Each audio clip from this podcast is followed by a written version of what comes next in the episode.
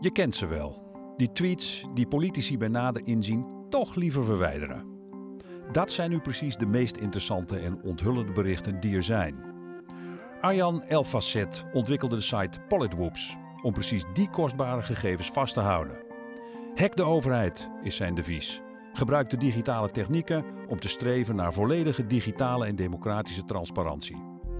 Arjan Elfacet, tegenwoordig directeur van de Open State Foundation, is voormalig Tweede Kamerlid voor GroenLinks en werkte aan diverse projecten voor mensenrechtenorganisaties in het Midden-Oosten. Ook schreef hij een boek over zijn Palestijnse roots. Hij gaat er alles over vertellen. Hier aan tafel Arjan El Facet. En onze Tessa de Vries vraagt hem de komende anderhalf uur het hemd van het lijf. Welkom Arjan, leuk dat je er bent. Um, ik heb mij de afgelopen weken een beetje in jou verdiept. En het meest opmerkelijke vind ik dat jij een eigen straatnaam hebt in een Palestijns vluchtelingenkamp. Hoe zit dat? Oh ja, nee, dat is een aantal jaar geleden. Gingen wat vrienden van mij die uh, op bezoek in een vluchtelingenkamp in, uh, in de Palestijnse gebieden. En daar was een jongerencentrum wat uh, gerenoveerd moest worden. En zij dachten van, goh, hoe kunnen we nou geld inzamelen voor dat jongerencentrum? En ze liepen door dat uh, vluchtelingenkamp en kwamen erachter dat, uh, nou ja, dat vluchtelingenkamp eigenlijk niet zoveel te bieden had. Behalve dan dat ze opmerkten dat de straten geen namen hadden. En toen zijn ze gaan uitrekenen, nou ja, er waren 200 straten. En ze dachten, als we nou eens een website uh, opzetten om die straatnamen te verkopen. En dan, en dan kunnen we geld ophalen voor dat vluchtelingenkamp. En toen belden ze mij. En toen, uh, ik zat in de kroeg met een paar vrienden. En toen hadden we bedacht, nou, stel nou dat uh, een van die straatnamen vernoemd wordt naar een Twitter-account. Dan zou het vast wel eens zo kunnen zijn dat dat de eerste straatnaam ter wereld is die vernoemd is naar een Twitter-account. Ja. En zodoende. Uh, en wat je dan kreeg was een foto van de straat. met je stra zo'n blauw straatnaambordje. en er kwam een stipje op Google Maps. Uh, waar de straatnaam, uh, waar de straat uh, was. En die heette? En die heette de Ed Arjen Alfasset Street Street. Goeie naam. Goeie, naam. naam. En ehm, op het moment dat ik die foto kreeg, toen twitterde ik dat ehm, een soort van breaking news, eerste straatnaam ter wereld vernoemd naar een Twitter-account. En de volgende dag ging CNN aan de telefoon en Al Jazeera. En een week later twitterde Twitter zelf hierover. En uh, het kwam op allerlei blogjes te staan van Wired en allerlei internationale techblogs. En het heeft je heel veel volgers opge opgeleverd. Ja, dat kwam een beetje doordat uh, Twitter zelf mij in een lijstje plaatste tussen Barack Obama en Coldplay. Wow. Op een suggested users list. Ja. Dus iedereen die een nieuw account aanmaakte, kon dan automatisch 20 accounts volgen. En een daarvan was die van die rare gast uit Nederland. Ja, ja. en uh, nou ja, toen, uh, ik geloof dat ik ergens, in, dat was in september 2009. En in januari 2010 zat ik op 310.000 volgers. En dat, Hoeveel? 310.000 Ja, volgers? dat was wel een beetje het toppunt. En dat kalfde af, nou ja, dat is de afgelopen jaren wat afgekalfd, zeg maar. Ja. Naar nu iets van 250.000 volgers. Ja, en je hebt vaker het internationale nieuws gehaald met online acties, maar daar wil ik het later met je over gaan hebben. Um, je hebt ook een behoorlijke carrière achter de rug. In het Midden-Oosten gewerkt. Ja. In de Kamer gezeten. Of als Tweede Kamerlid uh, voor uh, GroenLinks. En uh, nu directeur van Open State Foundation. En dan wil ik eigenlijk gelijk beginnen. Wat is open data eigenlijk precies? Wat is open data? Open data is eigenlijk informatie. publieke informatie die digitaal ontsloten wordt. En ehm, waar, op welke informatie heb je dan recht als burger? Nou ja, de overheid produceert heel veel informatie dagelijks. En op het moment dat die ontsloten wordt als data, dan kan je als uh, appbouwer of als programmeur allerlei toepassingen maken met die informatie. En nou ja, een heel bekend voorbeeld is Buienradar. Dat Ja. maakt hergebruik van KNMI-data, wat van de overheid is. Um, en vervolgens is dat een app die inmiddels uh, een miljoenen omzet uh, draait. Omdat iedereen nu droog over kan komen om, door dat hergebruik van die uh, informatie. Ja, en jullie, jullie bekendste wapenfeit is misschien wel die politwoops. Ja. Ik denk, denk dat dat het meest bekend is. Want eh, op wat voor manier is dat dan een gebruik van open data? Nou, dat is uh, het hergebruik van uh, uh, Twitterberichten van politici. Uh, of althans, de verwijderde Twitterberichten van politici. Uh, uh, die maken nog wel eens een typfout. maar soms verwijderen ze wel eens bewust eh, uitspraken die ze gedaan hebben op Twitter. En dat doen ze publiek. Dus dat zijn publieke uitspraken. En wij zien dat als onderdeel van de parlementaire geschiedenis. Dat, uh, kijk, als je ergens een interview geeft en, je, en je hebt daarna spijt, dan kan je dat niet meer wissen. Nee. Maar een tweet kan dat wel. En wij hebben een maniertje gevonden waarop je die tweets weer naar boven kan toveren. En kan laten zien wat een politicus verwijderd heeft. En wat is nou de allerergste tweet? Nou, wat wel opvallend was, was afgelopen jaar um, uh, toen de hele discussie rond Mark Verheijen, een Tweede Kamerlid voor de VVD, ontstond over uh, declaraties van uh, allerlei bonnetjes. Ja. Um, en het, her, het gebruik van overheidsmiddelen voor partijenpolitiek. Um, uh, dat hij um, een tweet verwijderde dat hij onderweg was naar, uh, in de dienstauto van de provincie uh, naar een partijbijeenkomst. Ja. En terwijl het onderzoek naar zijn bonnetjesgedrag gaande was, heeft hij een hele hoop tweets verwijderd. En een daarvan was die. En uh, nou ja, die popte op. En, uh, dat was een van de bonnetjes eigenlijk? Dat was een soort van een van de bonnetjes, ja. En dat is, nou, daar zie je wel de waarde zeg maar, van die verwijderde tweets. Ik bedoel, 90% zijn gewoon typfouten. Uh, maar er zitten er een paar bij die dan wel een soort ophef veroorzaken. Of waar je iemand ineens van mening verandert. Of, en we hebben, draaien dat nu in, of we hebben dat tot de afgelopen zomer Twitter de kraan uitdraaide. in 30 landen deden we dat. En er zitten ook landen bij. Zoals de kraan uitdraaiden van Polithoop. Ja, dus wij, wij tappen in op een API, dat is een soort open waar uh, ontwikkelaars toegang toe hebben. Ja. Uh, uh, en onze toegang is geblokkeerd. Eerst in Amerika. een organisatie heet Sunlight Foundation. Die hield dat bij voor Amerikaanse politici op basis van dezelfde techniek. En, um, en vervolgens draaiden ze onze kraan uit naar 30 landen. waarmee wij dat niet meer kunnen doen. Uh, maar er zitten, nou ja, de, we, we, we, deden dit onder andere ook bijvoorbeeld in Egypte, in Turkije. Nou ja, dat zijn wel landen waar uh, wel wat ernstige zaken aan mm -hmm. de hand zijn. Um, en inmiddels zijn we wel in, met Twitter aan het praten uh, over een manier waarom, waarop we dit weer kunnen gaan doen. Want waarom is het zo belangrijk dat, dat wij die, die berichten kunnen lezen? Nou, het, het gaat over uh, uh, uitspraken van politici, gekozen volksvertegenwoordigers. Uh, en die op een bepaalde manier hun eigen ehm, berichten verwijderen. Die wel relevant zijn voor het publiek. Ehm, en, en, ook, en Twitter zegt dan, ja, maar we willen voor iedereen dat hetzelfde is. Maar wij zeggen dat politici toch wel een ander slagvolk is uh, met uh, bepaalde macht en bepaalde instrumenten die anderen niet hebben. En daardoor is transparantie over hun uitspraken belangrijker dan die van anderen. Maar je hebt zelf in de politiek gezeten. Ja, ik zat er ook in. Ja.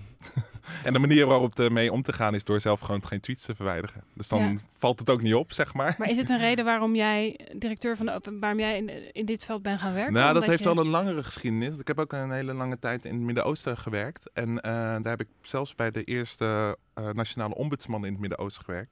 En daar zag je dat mensen wel heel erg moe waren van uh, nou ja, dat ge gebreng van democratie naar zeg maar niet-democratische landen. Uh, maar uh, als je het dan hebt over transparantie en uh, weet je wat jouw overheid doet, maar ook weet je wat jouw overheid uitgeeft, vindt men wel belangrijk. En ja. Ehm, men is een beetje moe of murf geslagen door nou ja, de roep voor democratie. En dat is allemaal een soort. Maar tegenwoordig denkt men in het Midden-Oosten, ja, democratie leuk en aardig, maar dat heeft dan ons alleen maar oorlogen gebracht. Terwijl je, als je daar hebt over transparantie, mm -hmm. Is het toch wel een andere koek. En uh, dat, dat snapt men ook. En men snapt ook de waarde daarvan en, en het probleem daarvan. En, en wie, zijn, uh, wie zijn nou jouw helden als het gaat om open data? Wat vind jij van Edward Snowden bijvoorbeeld? Nou, dat, ja, Edward Snowden gaat meer over geheime informatie. Het, het, het, het nou, wat veiligheidsdiensten allemaal vergaren, zeg maar. En bij open data gaat het juist niet om persoonsgegevens, gaat het juist niet om privacy, maar gaat het juist over de overheid transparant maken. Hè? Dus uh, uh, in een tijd dat uh, overheden bijna alles van jou weten, proberen wij de informatiepositie van burgers ten opzichte van de overheid gelijk, gelijker te trekken. Dus uh, een beetje de cultuur van wij weten wel wat goed voor u is, uh, zoals de overheid vaak uh, een beetje een soort ouderwets van uh, de leraar naar de leerling. Of vroeger als je tv keek, dat je dan een omroepster had die dan vertelde wat die avond, wat je allemaal kan zien op deze zender. Ehm, ja, als je kijkt naar tegenwoordig hoe het mediagebruik is heel anders. En ook hoe mensen, ehm, met name jongeren, omgaan met informatie, is we zoeken het zelf wel uit. je ja. hoeft mij niet te vertellen hoe het zit, ik zoek het zelf wel uit. En dat maar Snowden, brengt... Snowden is natuurlijk... Het gaat over privacygegevens, maar aan de andere kant laat hij ook zien... dat uh, wat de overheid doet zonder dat wij het weten. Dus op, is, dat, is dat toch zo? Is dat zo anders dan... Ja, nou kijk, uh, de grap is als je het hebt over veiligheidsdiensten en transparantie, dat lijkt tegenovergesteld. Uh, toen ik in de Kamer zat, heb ik wel eens een, een, nog ver voor Snowden een heel debat gehad over de, de grenzen waarin, waarbinnen veiligheidsdiensten zouden moeten opereren. En toen zei uh, de toenmalige minister van Defensie, die zei ja, de militaire inlichtingendienst, die heeft wel, uh, uh, die is wel over de grenzen van het toelaatbare gegaan. Maar dat komt omdat we de wetgeving moeten aanpassen. Dus ik vond dat nogal raar, want dat zou ja. betekenen dat, nou ja, stel dat ik door rood fiets en ik word aangehouden, dat ik dan tegen zo'n politieman zeg, ja, het is nu wel zo dat het verboden is door rood fietsen, maar die wetgeving moet gewoon aangepast worden. En uh, ik heb toen in, in dat Kamerdebat heb ik toen gezegd van ja, het is voor Kamerleden heel lastig uh, door niet te weten wat de grenzen zijn. Uh, dat zij zelf moeten besluiten wat vinden wij nou met z'n allen toelaatbaar. Mm -hmm. En dat je zeg maar wel wat transparantie wil over wat veiligheid ze doen en mogen. Uh, ik hoef dan niet detailinformatie te, te weten hoe een operaties gaan. Maar ik wil wel weten, uh, uh, als, nou ja, toen, toen als Kamerlid, wat de grenzen zijn waarbinnen veiligheidsdiensten moeten kunnen opereren. Is het dan, je hebt de voorloper van Edward Snowden is eigenlijk Bill Binney geweest. Ik weet ja. niet of jij deze man kent. Die, ja. heeft, die is natuurlijk ook naar buiten gekomen. En ja. die heeft enkel gezegd, ik weet dat dit gebeurt, maar heeft niet daadwerkelijk die stukken gelekt. Is dat dan meer iemand met wie jij je kan identificeren? Ja, want kijk, de, transparantie gaat wel over ehm, dat je uh, als samenleving kan bepalen waarbinnen ook geheime zaken uh, zich moeten verhouden, zeg maar. En uh, ik merkte ook als Kamerlid destijds dat het steeds vaker voorkwam dat Kamerstukken ehm, vertrouwelijk ter inzage werden gelegd, bijvoorbeeld. Mm -hmm. Maar, wat, wat betekent de, dat? Dat, nou je, dus... dat je dan um, wel er stukken kan inzien, maar dat je daar verder niet mag, over mag hebben. En dat is heel lastig, want je wordt eigenlijk ja. dan een soort monddood gemaakt. Ehm, nou ja, ik kan een voorbeeld geven. Er was een keer een een discussie over. Er was een Iraanse Nederlandse die was uh, opgehangen in Iran. En uh, een van de stukken die ter inzage lag was het relaas van de ambassade in Teheran. Over wat de ambassade allemaal gedaan heeft. Nou, dan kan ik me best voorstellen dat je dat niet openbaar wil hebben. Mm -hmm. en voor Kamerleden was het een, een manier om te, laten, om te kunnen inzien hoe de ambassade heeft gehandeld. Want het ging uiteindelijk destijds over hoe de minister van Buitenlandse Zaken had gehandeld. En dat, in, in dat soort zaken denk ik van ja, dan is het wel belangrijk dat het. Uh, uh, ook omdat het over personen ging. Het ging ook over, onder andere over familieleden uh, en over ambassadepersoneel. Dat je daar wel de privacy wil waarborgen.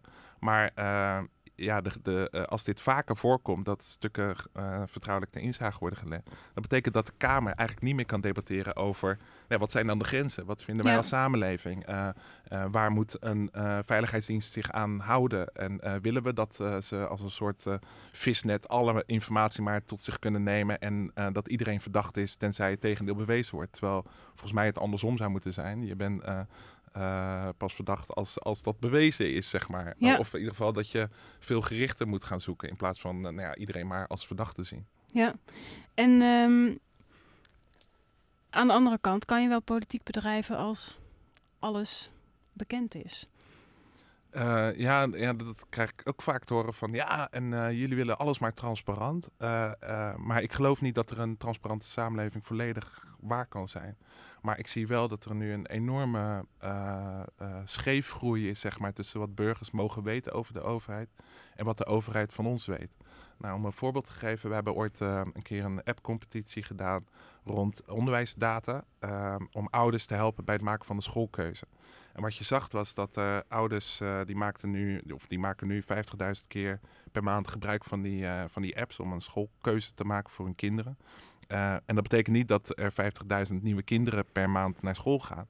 Maar wat die ouders ook doen, is dat zij die apps gebruiken om hun eigen school uh, naast een andere school in dezelfde buurt te kunnen leggen.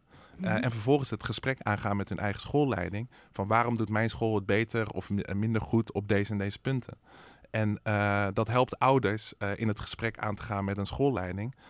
en voorkomt ook dat zo'n schoolleiding zegt van ja, ja, leuk hoor, ouders, maar wij weten wel wat goed voor is. Zodat je dus ook die, het gesprek tussen ouders en leraren of, of schoolleiding, of het gesprek tussen de burger en de overheid op een veel gelijkmatige of een, gelijkwaardige manier kan plaatsvinden. Ja, en uh, we hebben het over Edward Snowden gehad, Bill Binney. Wat vind je eigenlijk van Snowden? Is dat een, is dat, uh, je zegt ik kan me daar niet helemaal mee identificeren. Ik ben niet, ik zal nooit die informatie zelf lekken, maar vind jij uh, vind jij dat zulke mensen beschermd moeten worden? Of? Ja, nee, ik vind zeker dat klokkenluiders uh, bescherming nodig hebben. En zeker zo'n iemand als Snowden, die heeft wel iets in beweging gezet waar men wel vermoedens over had. Ehm, maar die dan ehm, ja, met de bewijzen die hij heeft ineens op straat liggen. En op zo'n manier op straat liggen dat het serieus wordt genomen. We hebben natuurlijk in het verleden ook Wikileaks gezien, waarbij massaal dingen op straat werden gegooid. Ehm, eh, zonder dat er een soort goed gekeken wordt van kan dit een bedreiging vormen voor iemand. Um, en Snowden heeft dat op een hele andere manier aangepakt, waardoor ik denk dat er wel serieus wordt omgegaan met wat hij heeft gelekt. wat ik echt heel jammer vind, is dat in bijvoorbeeld stuk van Wikileaks rond die diplomatenkabels, daar werd heel snel, doordat het zo massaal was, eigenlijk uh, heel weinig op verder gegaan. Dus er zaten best wel wat kabels in, in die lek, die, waarvan ik had verwacht dat mensenrechtenorganisaties of anderen daar, dat als aanleiding zouden nemen om verder onderzoek te doen naar bijvoorbeeld oorlogsschending, of oorlogsmisdaden. Nou, bijvoorbeeld uit Irak of Afghanistan. er zijn best wel wat kabels geweest waarin gesuggereerd werd dat er mogelijk sprake zou kunnen zijn van een oorlogsmisdaad. En dan hoop je dat journalisten of mensenrechtenorganisaties uh, verder daarop doorgaan. Maar omdat het zo massaal was, uh, is dat niet gebeurd. Dus eigenlijk een van de weinige zaken die toen uh, naar boven kwam, was die beschietingen door een aantal helikopters door de Amerikanen van een, busje met onder andere twee journalisten. Maar ook daar zie je dat de daders eigenlijk nooit voor het gerecht zijn gebracht. Hoe komt dat, denk jij? Ja, ik weet niet hoe dat komt. Ik vind dat gewoon. Ehm, kijk, transparantie is één ding, maar de gevolgen daarvan ehm, moeten wel. Ja, het kost gewoon tijd en werk en, en inzet. En is het, niet, is het niet dat het te gevaarlijk is dat mensen zich daar niet aan durven te wagen? Want je ziet bij Snowden ook dat het toch wel. heeft vrij heftige gevolgen voor zijn eigen bestaan. Ja. Ja, nou ja, kijk, de, dat de klokkenluiders beschermd moeten worden is één ding. Uh, maar dat er wel een, een journalistieke of een, uh, een onderzoekstaak ligt bij derden. om vervolgens met die informatie meer te gaan doen. Nou, bij Snowden zie je dat wel. Ja. Dat, uh, nou ja, er is zelfs in Nederland een rechtszaak gaande tegen de staat over Snowden. en in, er zijn wel meer zaken die, zeg maar, op basis van wat Snowden heeft gelekt. men probeert de overheid een beetje wat meer aan banden te kunnen leggen. En dat vind ik wel een goede uitkomst, zeg maar. Dus de impact die je kan veroorzaken met transparantie heeft wel wat meer werk, zeg maar, in zich dan alleen maar stukken naar buiten brengen. Ja. En Snowden die, die heeft zelf een nieuwsuur dit jaar gezegd. Uh, in Amerika, hij heeft natuurlijk naar buiten gebracht hoe het in Amerika daaraan toe gaat. En hij heeft gezegd in Nederland, daar wordt dit bijna hetzelfde. We gaan dezelfde kant, jullie gaan dezelfde kant op met het schenden van de privacy van burgers. Denk je dat Plasterk eigenlijk weet wat de IVD allemaal doet? Uh, ik mag wel hopen dat hij weet wat uh, eh, IVD doet, want dat is wel zijn verantwoordelijkheid. Uh, maar er is ook nog een MIVD, die doet ook best wel veel dingen. En dus de minister van Defensie en de minister van Binnenlandse Zaken hebben allebei daar een verantwoordelijkheid in. Maar ook, ik weet ook nog dat je hebt ook de commissie op toezicht inlichtingendiensten. Mm -hmm. Dat is een onafhankelijke commissie. Nou, die heeft eigenlijk wij te weinig capaciteit om dingen goed te onderzoeken. Um, maar uh, altijd als het over buitenlandse diensten gaat, dus uh, de relatie tussen Nederlandse veiligheidsdiensten en Amerikaanse bijvoorbeeld, zit dan altijd in een bijlage die vertrouwelijk ter inzage wordt gelegd. En dat wordt dan vertrouwelijk ter inzage gelegd bij fractievoorzitters. Dus, op, ja, dus ook Kamerleden hebben daar geen, geen inzicht in, behalve dan de fractievoorzitters. En de fractievoorzitters die komen dan bij elkaar in de commissie stiekem. Nou ja, dus uh, ja, je kan daar ook zelfs geen de, normaal debat over voeren over wat vinden wij nou toelaatbaar, omdat al die informatie vertrouwelijk ter inzage wordt gelegd en vervolgens niet gebruikt kan worden in een debat. Maar is dat werkbaar? Kan dat eigenlijk? Wat, wat vind ja, je daarvan? Ja, dat gebeurt. ja, ik vind dat het niet. Ja, ik bedoel, ik vind dat daar grenzen aan moeten zijn van wat wel en wat niet. En, en die discussie wordt gewoon niet gevoerd. Maar waarom zou die discussie niet gevoerd worden? Nou ja, eh, omdat men het te ingewikkeld vindt. eh, omdat men eh, denkt van, nou ja, zeker na Parijs zie je weer zo'n host van, dan zie ik zo'n oud, oude baas van de MIVD, Koblenz, die dan zegt van, ja, ik vind zelfs dat wij toegang moeten hebben tot medische dossiers en nou ja, noem maar op.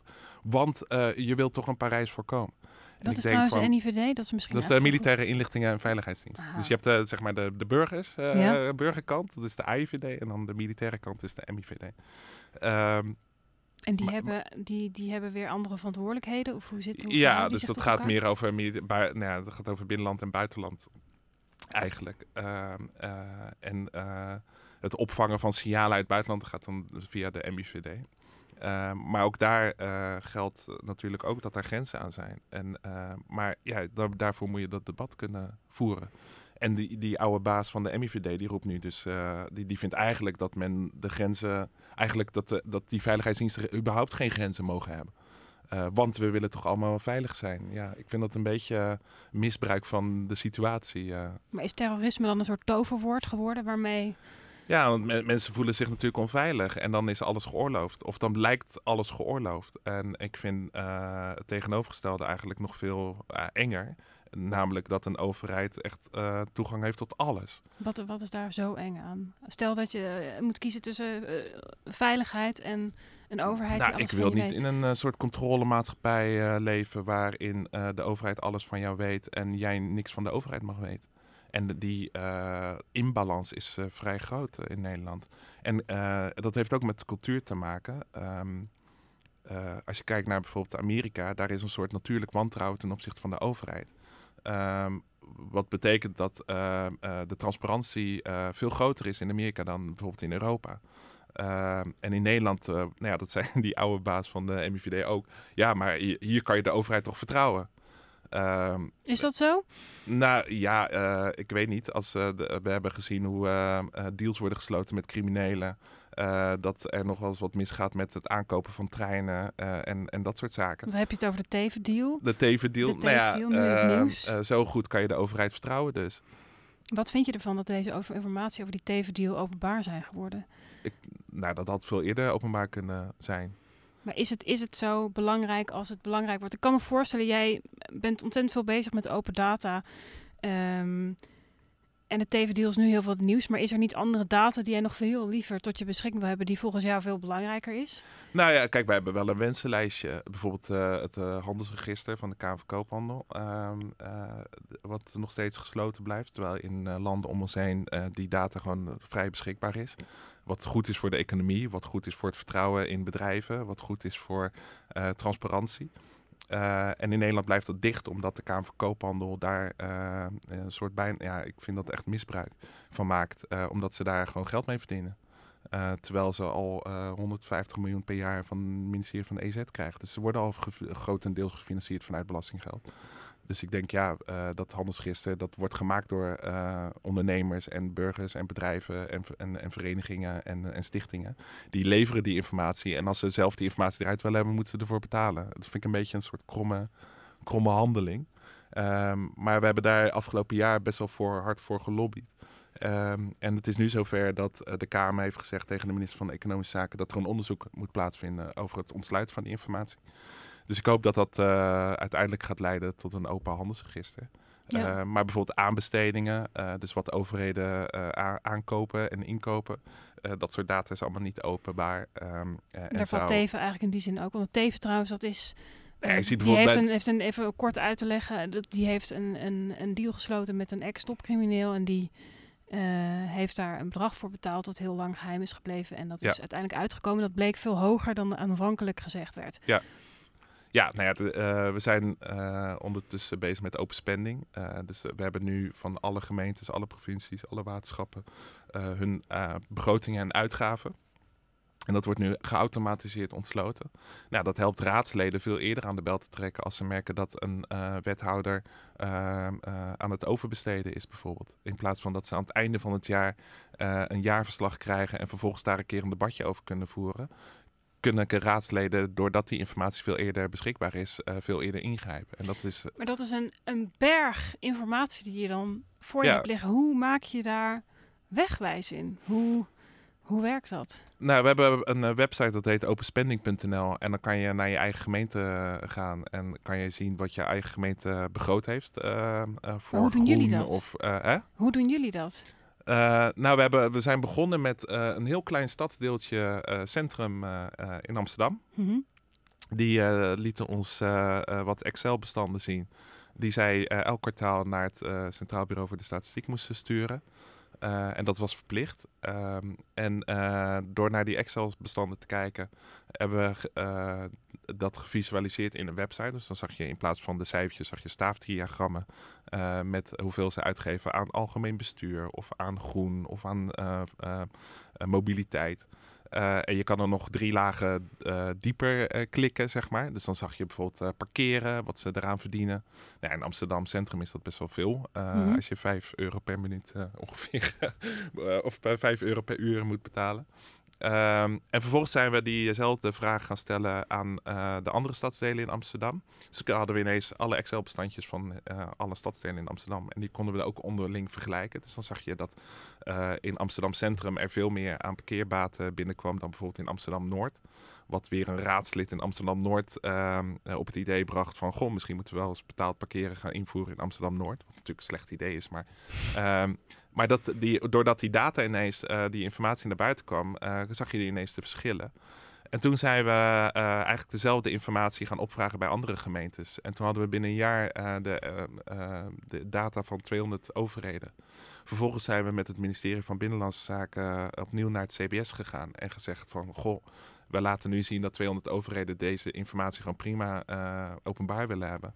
Maar jullie krijgen al die informatie, kan je het dan niet zelf ontsluiten? Nou dat is zo gezegd, zo gedaan. En nu komt alle informatie die bij hun binnenkomt over die begroting en uitgaven, worden nu automatisch ontsloten. En iedereen kan daar gebruik van maken. Dus wij hebben nu een website waarmee je gemeentes met elkaar kan vergelijken. of de G4. en dan kan je het zien wat Amsterdam uitgeeft ten opzichte van het gemiddelde van de andere grote steden op bepaalde gebieden. Maar er zijn ook uh, andere mogelijkheden. Je kan uh, uh, gaan kijken, bijvoorbeeld, nou ja, als je van sport houdt, dan kan je, zijn, kan je kijken in welke gemeente, met welke politieke samenstelling een gemeente bestuurd wordt. of inderdaad met D66 er meer aan onderwijs wordt gegeven, of met GroenLinks meer aan groen, of met de VVD meer voor ondernemers. en dat kan je aan die data zien of dat inderdaad zo is. Ja, en um, heb je al eerder gezegd, ik ben geen Edward Snowden. Wil ik er toch op terugpakken. Want jij organiseert ook hackathons. Ja. Uh, je hebt misschien wel uh, banden met mensen die wel tot dat soort informatie kunnen komen. Wat als jij een keer gouden informatie in je handen krijgt? Wat als jij die documenten van Edward Snowden zou krijgen? Wat zou je dan doen? Um, nou, ik heb wel eens, wel eens wat informatie gekregen die uh, via, via, via, via, via, via, via. Uh, en dan is het gewoon goed. dat zijn er best wel veel. um, ja, en dan is het gewoon goed kijken naar de inhoud en wat, wat voor waarde dat is. En, uh, voor je, en, kan je een voorbeeld geven? Uh, ja, dan wordt het wel heel specifiek. Um, ja, dat is juist de bedoeling. nou, ik had een, heel, nou ja, uh, een uur voordat uh, de Wikileaks diplomatieke kabels naar buiten kwamen, had ik er al eentje met, eentje met Maxime Verhagen in handen. Um, maar mijn vrouw stond op het punt te bevallen. Dus ik, ja, ik kon er niet zo heel veel snel mee. Um, wat stond erin? Uh, dat ging toen over Irak. Um, en dat is best wel, ja, dat is dan best wel cruciaal. Dus die heb ik uh, toen aan een journalist gegeven. en dat was toen het nieuws de andere ochtend. En wat, wat, stond er over Irak in dit uh, document? Uh, nou, dat ging over de besluitvorming. En ik weet niet meer letterlijk precies, dat is al een tijdje geleden. Maar het ging over de rol van Nederland uh, in de besluitvorming rond Irak. Rond de oorlog die daar gevoerd is. Ja. ja, en dat was een, een gesprek tussen de Amerikaanse ambassade en Maxime Vagen. Hoe voelt het dan om zo'n document in je handen te nou, dat was heel irritant, want het tijdstip kwam mij niet zo goed nee, uit. Nee, nee. en uh, uh, we hebben toen ook meteen mondelinge vragen aangekondigd. Ik was toen Kamerlid. En uh, ik kon daar niet zelf bij zijn, omdat ik net vader was geworden. En toen heeft Tovik Dibi die mondelinge vragen toen gedaan. En ehm, over de AIVD. Word jij ook gevolgd eigenlijk, denk je? Geen idee. Vast Geen wel. idee? Nou ja, ik weet niet. Nee. Nee? Nee. Vast Eh, wel. Als zij iedereen in Nederland volgen, dan zal ik er vast tussen zitten, ja. En wat, waarom zou je gevolgd worden? Nou, eh, nee, ik, kijk, ik ben eh eh, vaak eh, wel heel goed gescreend. Ik heb, eh, eh, nadat ik eh, uit het Midden-Oosten kwam, eh, heb ik een tijdje nog bij Defensie gewerkt. Ehm, en niet zo heel spannend hoor. Eh, ik moest toen een intranet websiteje maken voor een of ander project. Eh, en dan word je helemaal gescreend. En ehm, eh, toen ik Kamerlid werd, eh, word je volgens mij ook gescreend. Eh, en dat is volgens mij heel normaal. Ehm, dus er eh, hangt... En jij werd zelfs gescreend door GroenLinks, je eigen partij, en genoemd tot een man die de bevlogenheid miste om zijn eigen partij te leiden. Ja, dat klopt. Ja. Ja, maar dat was openbaar. Dat was, ja, dat Dat was is heel vervelend. openbaar. Ja, dat was heel vervelend. Ja, nee, dat kon iedereen meelezen, ja. Wat vond je daarvan dat het over jou Nou, op het moment werd? vond ik het echt super irritant. Ehm, maar ja, er zit, er zit wel iets van een... eh, Want het was ten tijde van dat... eh, jij zat toen al, hebt, zat al in de Kamer en het Ja. was, eh, er waren nieuwe verkiezingen. ja, dat is, en eh, GroenLinks we besloot net- aan zelfkastijding te doen. Ja, nou, het, het was niet de eerste keer dat ze dat doen hoor. Ehm, eh, vaak, eh, nou ja, je hebt een kandidatencommissie. Dus je spreekt dan heel veel kandidaten. En vervolgens eh, moeten zij toch een beetje aan het congres meegeven van wat hun bevindingen nou zijn over bepaalde kandidaten. En er zit altijd iets positiefs in en ook altijd een, een, eh, iets negatiefs. Want anders zou die kandidatencommissie eh, niet helemaal neutraal... eh, hè? Dat, dat, dat kan niet alleen maar lyrisch zijn over bepaalde mensen. Ehm, maar op dat moment was het gewoon wel irritant, omdat nou ja, naar buiten kwam was een soort van een kandidatenlijst met kneusjes. Terwijl dat echt niet, niet zo was. Nee? Ehm, nee. En ehm, eh, waar het een beetje vandaan kwam. Kijk, ik, was, eh, ik stond op nummer 9. eh, ben ik de Kamer ingekomen. En uiteindelijk eh, eh, bij de, de laatste verkiezingen op nummer 7. Ehm, en ehm, eh, eh, ja, ik ben niet iemand die heel erg, eh nou ja, dat zou je niet denken, maar niet heel erg op de voorgrond treedt, zeg maar. Ik ben niet zo'n, een- geen Jesse Klaver, zeg maar. Ehm, maar ik wilde wel gewoon, ik was wel, voor, ja, naar mijn idee, wel een goed Kamerlid. En, en die heb je ook nodig. Wat meer controlerende Kamerleden, die ook gewoon doorvragen. en soms misschien iets te veel naar waarheidsvinding zaten te zoeken. Eh, wat ik heb gedaan op het JSF-dossier. Of eh, nou ja, als het gaat om de MIVD of IVD. Of als het ging om eh eh buitenland of mensenrechten bijvoorbeeld. Ja, dan vraag je door. En gaat het mij niet zozeer om het politieke spel. Maar gaat het gewoon om waarheidsvinding. Omdat ik vind dat mensen dat moeten weten bijvoorbeeld. Ja, Ehm, en dan treed je dus niet zo heel erg op de voorgrond. En waar het bij GroenLinks toen was, was met de mogelijkheid dat je een kleinere fractie hebt. Dan ehm, heb je gewoon vier of vijf, zes Kamerleden nodig die wel heel erg op de voorgrond treden. Omdat je het dan maar met een, eh, een weinig aantal Kamerleden moet doen. maar was je teleurgesteld toen? Dat... Nou ja, ik dacht, eh, ik vond het, eh, ik had wat meer waardering verwacht, zeg maar. Maar dat, ja, dat is, dat is een beetje het aard van het beest, zeg maar. En wat ik wel fijn vond, was dat het congres me niet op die plek had bedacht, maar wel twee plekken hoger. En dat is mij bij twee congressen gelukt, dat het congres en er net iets anders over dacht dan eh, de kandidaatcommissie. En eh, ja, dan voel je je wel gesteund door het congres. Ja. Ja. ja. Ben je eigenlijk nog wel lid van GroenLinks? Ja, ja, ja, ik ben wel lid van GroenLinks, ja. Ja? Ja. Kan het eigenlijk wel als je voor een eh, organisatie werkt die zich bezighoudt met open data? Eh, ja, nou ja, ik, eh, wij hebben eigenlijk eh, van eh, alle eh pluimages wel iemand eh, bij ons eh, werkzaam.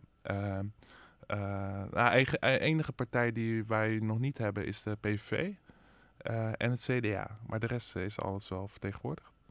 En ehm, eh, ik vind ook niet dat je je... daar mensen dan ook echt op dat ze van alle... Nou, kijk, de organisatie is politiek neutraal. Ehm, eh, en dat wil ik. eh, d- ik vind ook dat wij dat eh, eh, moeten uitstralen en zijn. Ehm, maar kijk, in het, als het gaat om transparantie en overheidsinformatie en eh, digitalisering en vernieuwing. eh, dan kom je toch wel een beetje uit bij eh, partijen die dat ook vinden. Ehm, en dan zie je dat een beetje de oude machtspartijen, of nou, in ieder geval een, nou, een CDA niet zo voor de hand ligt, zeg maar, die heel snel zegt van alles moet maar open en succes ermee.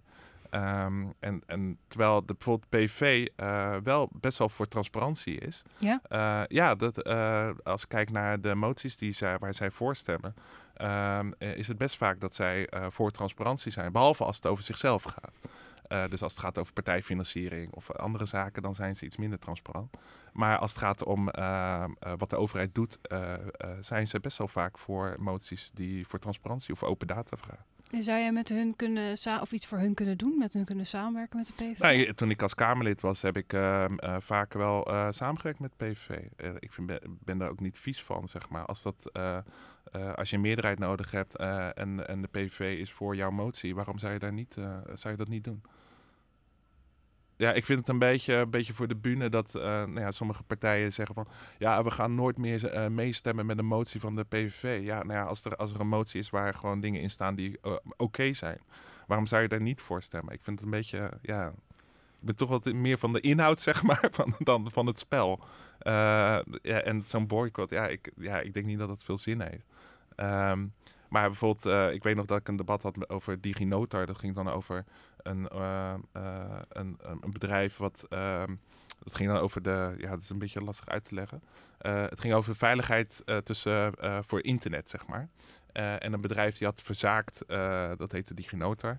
waardoor de e-mailverkeer met Iran, met de Iraniërs, nogal naar buiten werd gebracht. En mensen ook in gevaar kwamen. En daar was de PV net zo stevig uh, kritisch op als we, dat wij dat waren. Of D66 of, uh, uh, of de VVD. En we hebben, mijn naam staat ook ergens onder een motie. En er staan ook PV's onder. Ja, ik vind dat prima. En hoe, doet, hoe vind jij dat Jesse het nu doet? Ik vind dat Jesse het heel goed doet. Ehm, en ik, nou ja, ik vind eigenlijk dat er wel wat meer verjonging in de Kamer mag. En, ik, en dat Jesse als jongste fractievoorzitter uh, zit, vind ik alleen maar goed. Net zo goed dat ik uh, heel goed vind dat bijvoorbeeld een Klaas Dijkhoff staatssecretaris is geworden. En ik vind ook dat hij het echt supergoed doet. Ga je zelf ook weer meedoen in 2017? dat weet ik nog niet. Nee, ik heb heel lang gezegd van ja, ja politiek. Mm, ik, heb, ik heb er twee jaar gezeten en gezien hoe dat gaat. Ik heb het nu heel erg naar mijn zin. Uh, en ik merk dat ik ook op verschillende knoppen kan drukken, zeg maar. Als ik mijn zin niet krijg bij een ministerie, dan kan ik naar de Kamer. Ehm, en daar ben je niet gevangen in allerlei procedure, regeltjes en uh, Wat voor regeltjes zijn het dan? Nou, bijvoorbeeld als ik nu een vraag heb, dan bel ik een ministerie op en dan krijg ik antwoord. Als ik Kamerlid ben, dan moet ik een schriftelijke vraag stellen en dan duurt het zes weken voordat je antwoord hebt. Nou ja, dat zijn hele simpele verschillen die ik eigenlijk een beetje rare verschillen vind. Maar als je zouden vragen, zou je het dan weer doen, denk je? Nou, dan moet ik eerst eens goed met mijn vrouw over hebben. Want die, nou, die heeft wel wat voor de kiezer gehad toen ik in de Kamer zat. onze jongste werd toen geboren. En je bent gewoon bijna nooit thuis. Ehm, en ik weet niet of ze dat nog een keer trekt. Nee. Dus ik heb mijn, mijn krediet als vader heb ik wel toen wel in twee jaar tijd er gewoon er doorheen gejast. hey, en um, je hebt het net over vaderschap gehad. Je bent een verwoede twitteraar. Hou jij rekening eigenlijk mee met jezelf als vader naar buiten brengt? Uh, ja en nee. Ja, um, ik merk wel dat mijn kinderen wat ouder worden. En dat ze, nou, mijn zoon die zit zelf nu ineens op uh, Instagram. En dat je dan toch wel beseft, oh ja, maar wie volg je dan en hoe gaat dat dan? En, en daar gewoon goede gesprekken over voert. En ik, ik denk dat je niet vroeg genoeg kan beginnen met een soort bewustwording. Ik bedoel, ik geloof niet in heel veel dingen verbieden, maar ik geloof wel in heel erg bewustzijn bijbrengen. En, en daar zijn ze wel zich van, noem je dat, bewust van. dat je niet door nou ja, elke willekeurige vreemde maar moet gaan volgen of accepteren als volger. Um, en dat werkt veel beter, denk ik, dan dat je zegt van ja, je mag niet. En terwijl onze vriendjes wel zitten op Instagram zitten en allerlei voetballers aan het volgen zijn. Maar je volgt hem wel goed? Ja, af en toe. En dan praten we erover. En dan, ja, ondertussen zit hij ook gewoon lekker te whatsappen met mijn broer die dan in het buitenland zit. Dat vind ik ook heel tof. Ja. ja. ja. dus de mogelijkheden, weet je, mijn ouders zitten ook op Facebook en uh, zitten te skypen met familie in het buitenland. Ja, dat kon vroeger niet. En ze zitten nu bijna aan tafel bij ze. En dat is, vind ik, dat de, zeg maar de, het mooie ervan, dat die afstanden zo verkleind worden, ja. vind ik alleen maar mooi. Nou, we zitten op, het, op de eerste helft. We gaan het straks meer over het buitenland hebben, maar we gaan er heel even uit voor een korte break.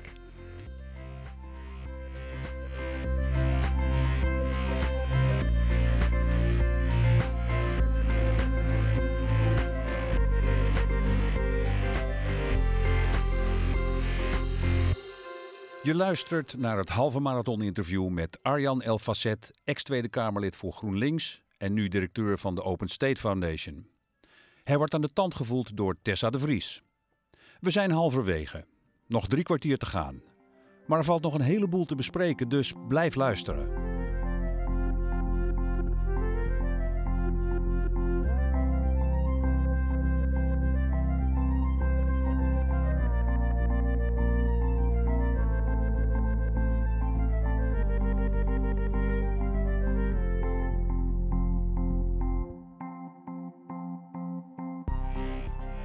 Arjen, ik wil het graag hebben over, uh, over je roots. Want jouw vader is Palestijns. Ja. Jouw moeder is Nederlands. Ja. Hoe hebben jouw ouders elkaar ontmoet? Nou, mijn vader die kwam uh, in uh, 1963 naar Nederland. met een groep van 20 Palestijnen in een van de koudste winters, zou je nu niet zeggen, maar koudste winters destijds. landen die op Schiphol werden met een bus naar Vlaardingen gebracht, waar een, een fabriek staat, de Rotterdamse margarine-industrie. En daar zouden ze gaan werken.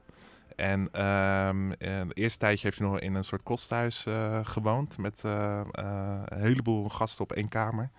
En daarna is hij bij een hospitaal een kamer gaan huren. En zijn slaapkamerraam keek uit op die van mijn moeder. en hij zei mijn opa en oma elke ochtend gedag als hij ze zag. als hij naar zijn werk ging. Totdat hij op een gegeven moment op de deur klopte en mijn moeder uitvroeg om mee te gaan naar het personeelsfeest. En uh, ja, zo hebben ze elkaar leren kennen. En uh, in 1967 brak de Zesdaagse Oorlog uit.